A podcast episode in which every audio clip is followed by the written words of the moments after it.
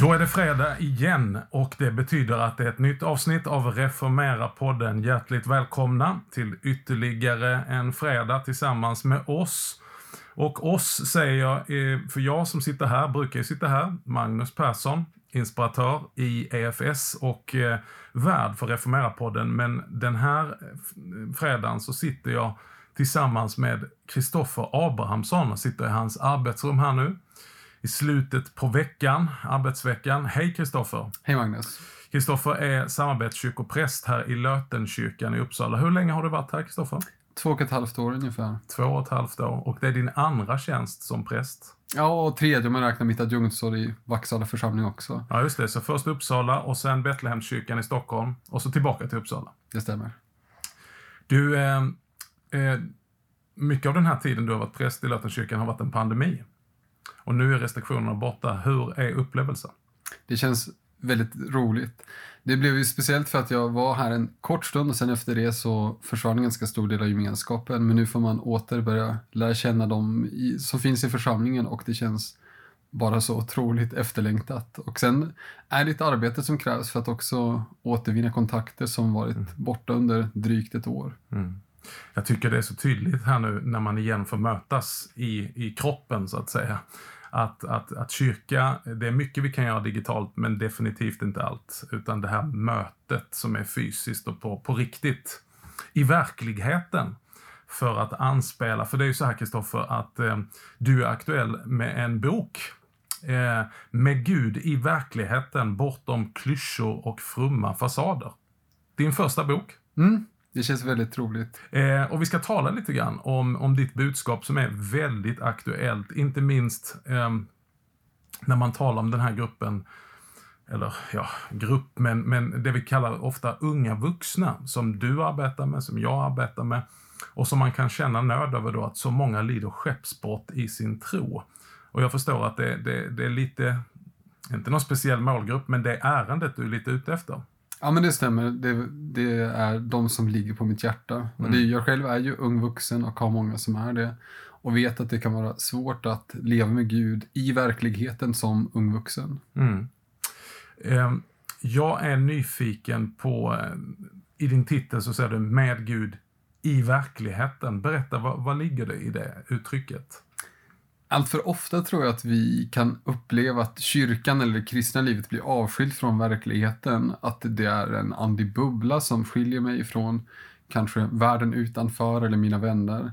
Och när man då kanske går in i vuxenlivet kan det kännas som att den där bubblan spricker och så är det som att tron rämnar och Gud blir plötsligt en främling istället för någon som man är vän med. Och där tror jag att verkligheten måste få rymmas i efterföljelse med Jesus. Mm. Och ytterst sett tror jag att Gud är den djupaste verkligheten. Mm. Är, det, är, det, är det så att många människor egentligen använder religion som en flykt från verkligheten? Tyvärr är det nog så. Istället för att tänka på inkarnationens underbara mirakel där Gud väldigt tydligt fysiskt i kött tar del av vår verklighet. Jo, verkligen. Och där finns det en stor risk att det bara blir en liten del av livet som får rymmas i den kristna tron. Men det är ju som änglarna lär oss att hela jorden är full av Herrens härlighet. Mm. Och det är det stora, befriande och utmanande budskapet till oss. Mm. Så vad är din egen spaning? Du säger själv, du, du är ju en del av målgruppen själv, ung vuxen. Det är ju ett väldigt eh, abstrakt begrepp. Man är väldigt ung och vuxen väldigt länge idag i Sverige. Men eh, vad, vad, vad, skulle du säga sliter unga vuxna med idag? Varför är det så, verkar det vara så, så enkelt att lida skeppsbrott i sin tro? En stor orsak tror jag är att man är väldigt ensam.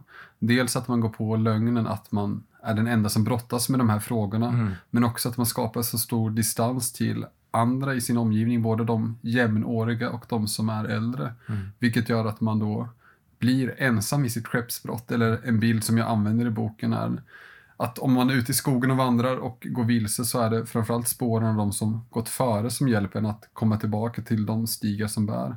Och där tror jag att många, ungar, många ungdomar är alltför ensamma. Mm.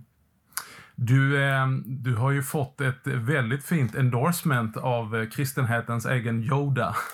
Den andlige vägledaren och eh, mycket duktige författaren Magnus Malm. Och han skriver få kyrkor är bra på att vägleda ungdomar till en vuxen gudsrelation. Och eh, så lyfter han då din bok och dess innehåll och säger att här, här finns en, en, en, en vägledning till att finna en tro som inte behöver spricka just för att den möter lite mer av vuxenlivets utmaningar.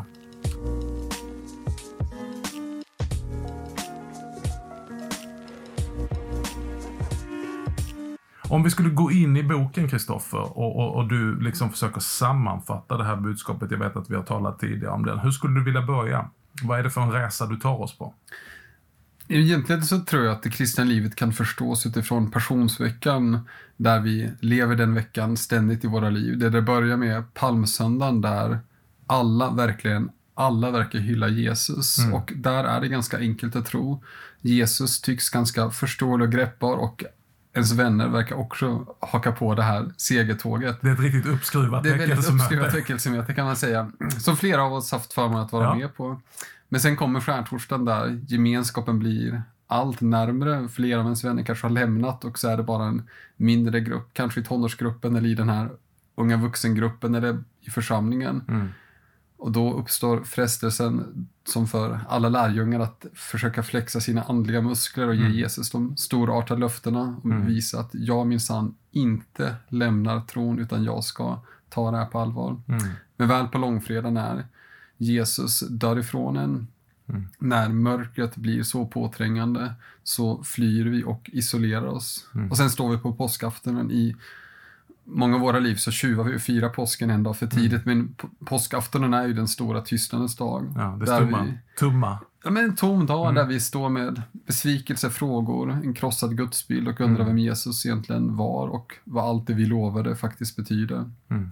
Och sen kommer påskdagen där mm. livet vänder åter. Och där tror jag att våra liv kan förstås i ljuset av den här veckan. Väldigt bra bild eh, stilla veckan egentligen som, som, som en orienteringsväg, att vi går igenom sådana här olika faser. Om vi, om vi tar det steg för steg då, vad, vad, vad, vad finns det för någon olika betydelse och för, för, alla de här stegen och de här dagarna är ju viktiga att faktiskt genomleva. Att det behöver inte vara slutet utan det är egentligen en byggsten om man säger så, i bygget av din robusta kristna tro. Om vi börjar med palmsöndag. Vad är, vad är det vi har med oss därifrån? Men där har vi med oss den totala glädjen som finns i Jesus och eh, gemenskapen med andra. Mm. Där det är så gott att få vara med Jesus och också se hur den stora massan faktiskt välkomnar honom som befriaren och räddaren. Mm. Där en sån stor del av gemenskapen ser Jesus som den som kommer med hopp och befrielse. Mm. Så hängivenheten, hänförelsen, den har sin plats ibland så kan man tänka att man växer bort ifrån det där, men, men vad skulle du vilja säga om det? Man kanske växer in i det och fördjupar det. Mm. För jag tänker på påskdagen så är ju lärjungarna fortfarande hängivna mm. och kanske i någon mån mer, än mer hänförda. Mm. Att Jesus har berört dem så pass på djupet att deras liv är förvandlade. Mm. Inte genom den egna kanske euforin, mm. utan genom mötet med Jesus som den uppståndne. Jag tänker om man gräver lite grann, nu ska vi inte bli för djupa här, men det, det döljer sig ju också en annan agenda i eh, välkomnandet av frälsaren. Det vill säga, man har en förhoppning eh, när man välkomnar honom på palmsöndagen att här kommer nu Israels nye konung, han som ska make Israel great again. Så, så det finns ju också en agenda av lite själviska ambitioner som smyger sig in i denna hänförelse som inte är kanske riktigt ren. Det är verkligen så. Och en, för en begränsad bild egentligen av vem Jesus är och vad han ska göra. En väldigt mänsklig bild, alltså i, i, nu talar vi om verkligheten, men en, en, en, en, en bild av världsliga mått, att han ska komma som en världslig frälsare och liksom bli regent eh, som en ny kung David eller någonting. Mm. Och sen kommer ju besvikelsen. Han blev inte vad jag hade tänkt. Och hur ofta är det inte där när vi har varit på de här viktiga topparna och höjderna och, och har fått möta hänförelsen. Men så smyger sig det här på som gör att vi vi också är väldigt eh, präglade av tidsandan och vill göra Jesus till vår life coach eller vår fixare eller vår president liksom. Mm. Som ska komma och ställa allt till rätta. Och där kommer ju de dagarna då, och den besvikelsen är smärtsam. Att Jesus faktiskt inte var exakt det jag ville, men kanske snarare exakt det jag behövde. Men den resan är jobbig att göra. Mm. Så med andra ord så vill du säga med din bok, eller jag ska inte lägga ord i munnen på det, jag ställer som en fråga istället, att ibland finns det också vissa gudsbilder menar du som behöver krossas och gå i sönder?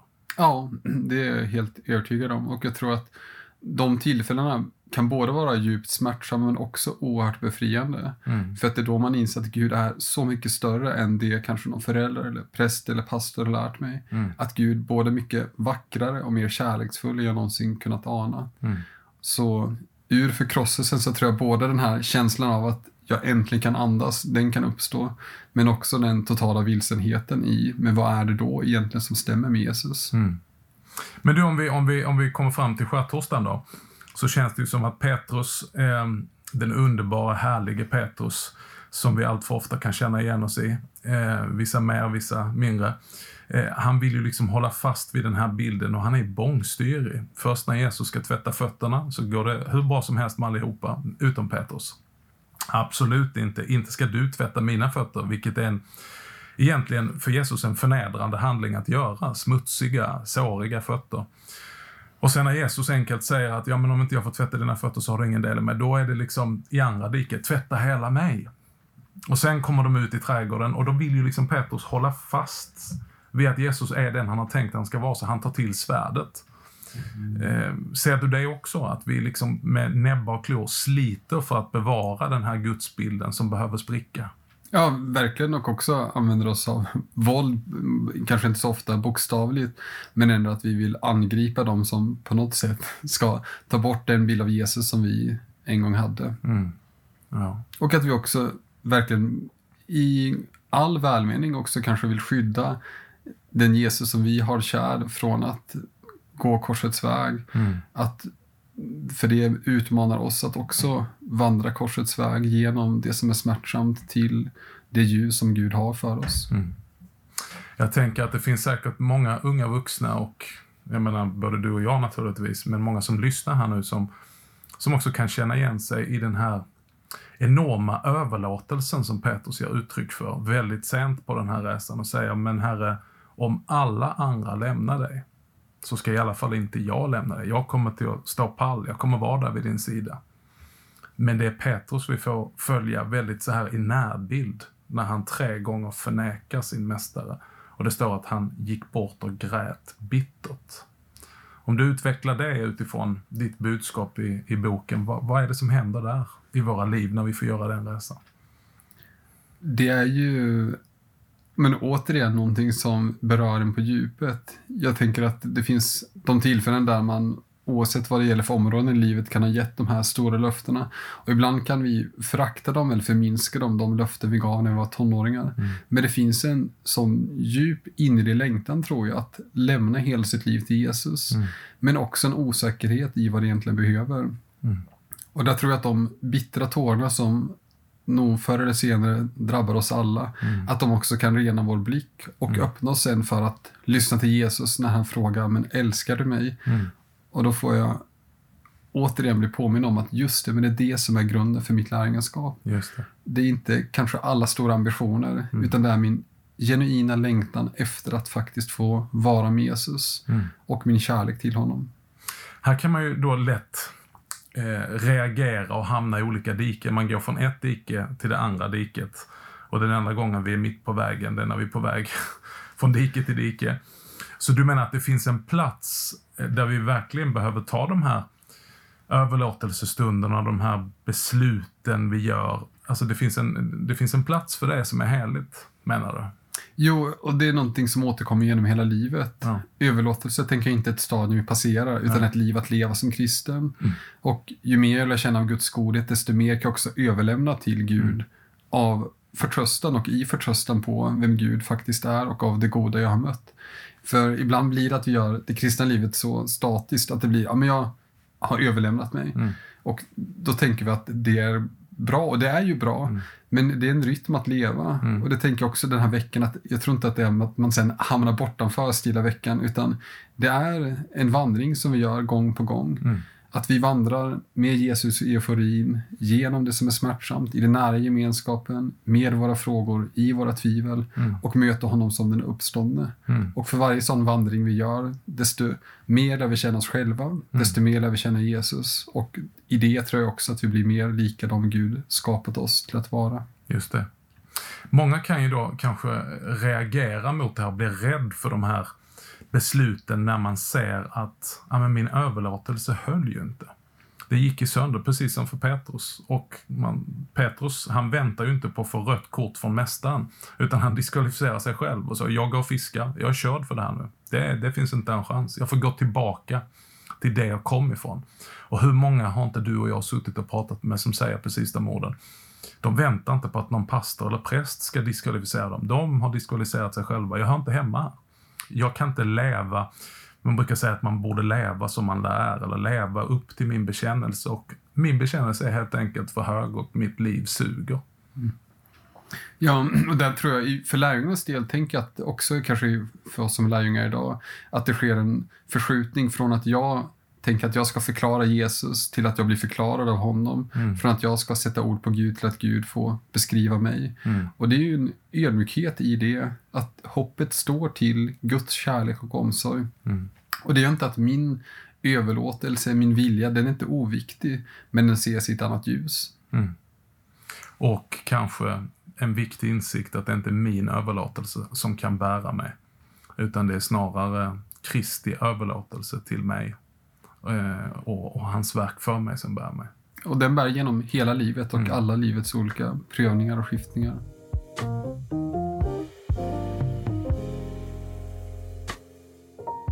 Och den bär också genom långfredag. Där är vi inne på det kanske mest smärtsamma. Den fullständiga döden.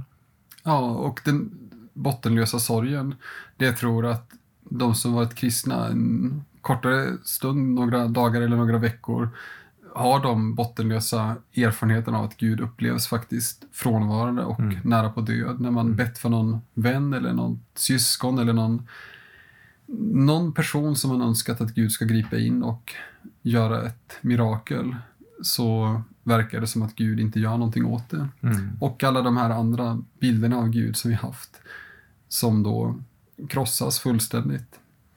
Jag vet att du i processen med den här boken när den skulle formges och, och tas fram, eh, jag vet inte om jag säger för mycket nu, men att du hade en tanke på, eh, kanske inte en titel, men, men ett av Jesu ord på korsen. Min Gud, min Gud, varför har du övergivit mig? Det här är någonting du stannar upp vid. Ja, det gör jag. Och jag tänker att det eh, finns de tillfällen där vi förenas med Jesu rop om att Gud har övergivit oss. Mm.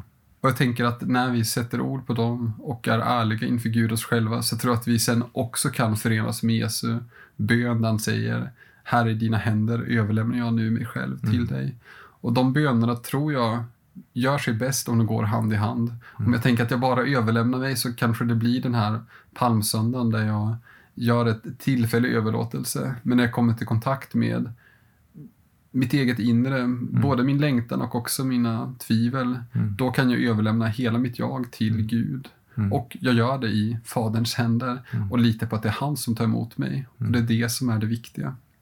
Det är otroligt trösterikt det här, Kristoffer, och, och vackert och starkt. Jag tänker vad som väntar, det är den här tumhetens dag, tystnadens dag. Och ska vi vara ärliga, både du och jag som arbetar som präster och är igång med förkunnelse och celebrerar mässa och vi betjänar folk, men ibland så är det väldigt tyst där bakom det som kan se väldigt starkt ut. Om man bara tjänar utifrån detta, att man litar på Herre, i dina händer har jag överlämnat min ande. Jo, så är det ju. Och det är ju flera gånger som man vandrar just i påskaftonen tror jag, för att man möter många människor där de ger uttryck för en sån sorg och de ger uttryck för så många situationer där man önskar att Gud skulle ingripa. Mm. Och frågorna väcks i ens eget inre. Men Gud, var är du? Varför är du tyst? För man önskar att något ljus skulle bryta in som gör att den otäliga situationen faktiskt skulle kunna få förändras. Det här är ju allmänmänskligt genom alla tider att vi har svårt för det när det är tyst. När det inte någonting händer som vi önskar skulle hända, att Gud ger mig ett tecken. Hur många gånger har vi inte bett den bönen? Ja, men Gud visar bara att du är med mig och det är bara tyst. Det är som himlen är stängd och det är det här, min Gud, min Gud. Mm. Varför är du tyst? Varför har du övergivit mig? Varför är du stum? Har vi blivit ännu sämre på det i vår tid utifrån hur tidsanden är? Att vi egentligen nästan som kristna också vill snabbspola oss igenom. Vi kanske firar skärtorsdagen. Mm. Men hur många predikningar har jag inte hört på långfredagen som liksom inte kan låta bli att säga ja, ja, nu är inte Jesus död längre, utan han har ju uppstått och vi vet att Jesus lever. Mm. Halleluja. Ja. Det är verkligen, jag tror att vi har krafter i tidsanden som jobbar åt fel håll där. Att vi har så svårt att stilla oss. Och jag tänker att vi båda har svårt att låta den, det mörkret drabba oss. Men också att låta den tystnaden få göra någonting med oss. Mm. Och ibland tänker jag att om man har en regnig höstdag, att man kanske kan be Gud om den nåden. Att låta höstens dovare färger och regn få sakta ner ens liv och att man då mm. kanske kan komma i kontakt med sin egen sorg. Mm. Och det är ju en jobbig plats att vara på. Jag vet en del vänner som har åkt på retriter där man varit i tystnad men inte klarar av det för att det kommer ikapp så mycket. Mm. Och där tror jag att det blir, för en del är det så mycket som kommer ikapp för man har haft ett konstant brus i sitt liv. Och då kan man kanske behöva få hjälp att åtminstone någon stund varje dag stilla sig, stanna upp och försöka komma i kontakt med sitt eget inre och också öppna sig för vad Gud vill säga till en.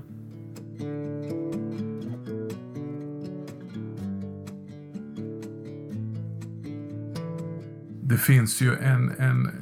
Kyrkan är ju rik i sin historia på undervisning och vägledning om att vandra korsets väg. Att korset är inte bara någonting som står där 2000 år tillbaka som en historisk händelse. Det är det också, försoningen, men korset är ju ett mönster för hur Gud handlar och verkar här i tiden, ständigt och jämt. Att ta upp sitt kors, att förneka sig själv, att gå korsets väg. Vätekornet talar Jesus om som måste falla ner i marken och dö. Annars händer det ingenting. Är detta en väg som du pekar ut och försöker vägleda människor genom i din bok? Att, att våga gå igenom det här, smärtan, tomheten och att på ett sätt barnatron, eh, jag kanske inte uttrycker det så, men måste dö och begravas för att sen uppstå. Jag, jag, tror att det, jag försöker ge ett par vägmärken. Nu har vi talat om mycket om mörkret och mm. svårigheterna och sen försöker också ge några ledord i hur, hur gör jag då när jag är i det här tvivlet? Mm. När jag är i men, trons öknen, om man mm. kallar det, eller stjärnens dunkla natt. Det, är ju, det finns många namn på det. Mm. Och där finns det, jag talar om ärlighet, att inför Gud och sig själv faktiskt sätta ord på hur, det, hur tillvaron upplevs. Mm. Jag talar om uppmärksamhet, att låta hela tillvaron få vara fylld av vem Gud är. Att hela jorden är faktiskt full av Herrens härlighet mm. och vi har tappat den förmågan. Jag talar om behovet av gemenskap, att jag kan inte vandra det här själv utan jag mm. behöver både de som har levt för många hundra år sedan, några tusen år sedan, de behöver jag slå följe med, men också de som finns i min mm. närhet här och nu och försöker ge då de här när man då är ute på vandring så finns ju de här märkena längs vägen, vandringsleden, som gör att ja, men just det här kan jag göra det. Och i det. vissa tillfällen i livet tänker att de behöver komma väldigt ofta och mm. ibland när sikten är klarare så kan de komma ganska sällan. Mm. Och så kommer vi då till när allting återuppstår igen. Vi kommer till den underbara uppståndelsesöndagen. Hur talar du om detta? Jag talar om det i form av mysteriet som är en del av kapitlet tror jag. Eh, där det just beskrivs att när Gud får när vi ser mer av vem Gud är så blir vi också vissa om att vi kanske inte riktigt kan säga allt om vem Gud är, utan det kommer vara begränsat. Mm. Erfarenheten som jag har gjort i mitt eget liv, den är viktig, den är mm. tacksam och den är god. Den som kyrkan som helhet har gjort, den är också till välsignelse, men kyrkan som helhet genom alla år kan ändå inte säga fullt ut vem Gud är. Mm. Av det enkla skälet att varken du eller jag kan beskriva varken varandra eller mm. oss själva fullt mm. ut, utan vi är också ett slags litet mysterium. Mm. Och där tror jag att när man möter Jesus som den uppståndne, då tror jag att det växer fram en ödmjukhet. Mm. Att jag kan faktiskt inte fullt ut greppa Jesus. Mm. Jag kan inte hålla kvar honom, men jag kan älska honom. Och Maria från Magdala är en person som jag talar om som just möter Jesus som den uppståndne. Och där Jesus först säger rör inte vid mig mm. och sen sänder ut den. Och jag tänker att ibland kanske Jesus också har lite burdus med oss och mm. säger så här, men låt mig inte bli en krycka igen i ditt liv. Mm. Utan jag vill sända ut dig. Jag vill mm. upprätta dig och sen sända ut dig som en vittnesbärare om att jag har besegrat döden och livet har vänt åter. Mm. Den vackraste texten av alla uppståndelserna för mig, som betyder personligt för mig, som kan, som kan röra mig till tårarna som helst, det är Markus evangeliets berättelse.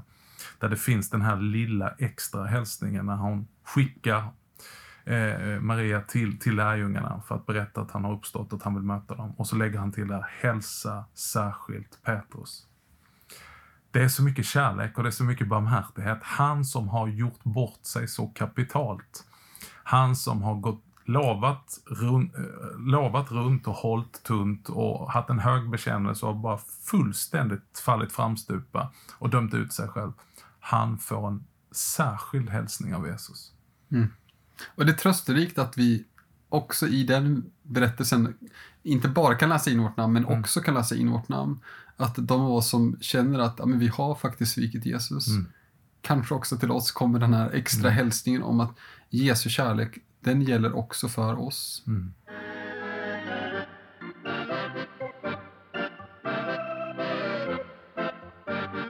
Ja, det finns mycket att tala om här Kristoffer och, och tiden går men jag ser verkligen fram emot att, att din bok ska få komma ut här nu och boken är utgiven på EFS Budbäraren och titeln är alltså Med Gud i verkligheten bortom klyschor och fromma fasader. Jag tror att det är ett tidlöst budskap som alltid är aktuellt men det är kanske än mer aktuellt just nu och det är naturligtvis därför du ger den och jag tycker att du är rätt man att skriva om det. Så jag önskar dig all Guds rika välsignelse, Kristoffer. Eh, vad vill du, om du, om du ska sammanfatta detta till våra lyssnare, vad vill du skicka med om du ska sammanfatta ditt ärende med boken i några stycken meningar? Vad skulle du vilja säga? Du är inne på ärlighet, jag vet att du talar mycket om det i boken. Jag skulle kanske göra det genom att gå till Matteusevangeliets uppståndelseskildring där Jesus möter lärjungarna på berget innan han förenas med himlen. Att då står det att lärjungarna beger sig till berget och så faller en, en del ner och tillber, men en del tvivlar också. Och det tänker jag kan vara till tröst för oss, att om de lärjungarna som mötte Jesus som den uppståndne ändå tvivlade, då kan vi ha nåd med vårt eget tvivel. Om de förblev i lärjungaskapet och i lärjungakretsen kan vi också bli kvar i kyrkan. Det är en väldigt vacker bild och jag tycker det är en perfekt avslutning som slår ner som en bomb ibland oss när vi ändå på något sätt livnär visionen om den helt rena och perfekta kyrkan. Men de Jesus har att utgå ifrån, det är precis det du fångar där i Matteus evangeliet. Somliga tvivlade, andra föll ner och tillbad. Han gör ingen skillnad utan både de som tvivlar och de som tillber får uppdraget. Gå ut i hela världen. Gör alla folk till lärjungar. Döpandes dem. Mm. En bra avslutning. Tack för samtalet Kristoffer. Tack att jag fick komma. Och tack ska du ha som har lyssnat på Reformera-podden ytterligare en fredag. Vi önskar dig Guds rika välsignelse och en trevlig helg och vi hörs igen fredagen som kommer.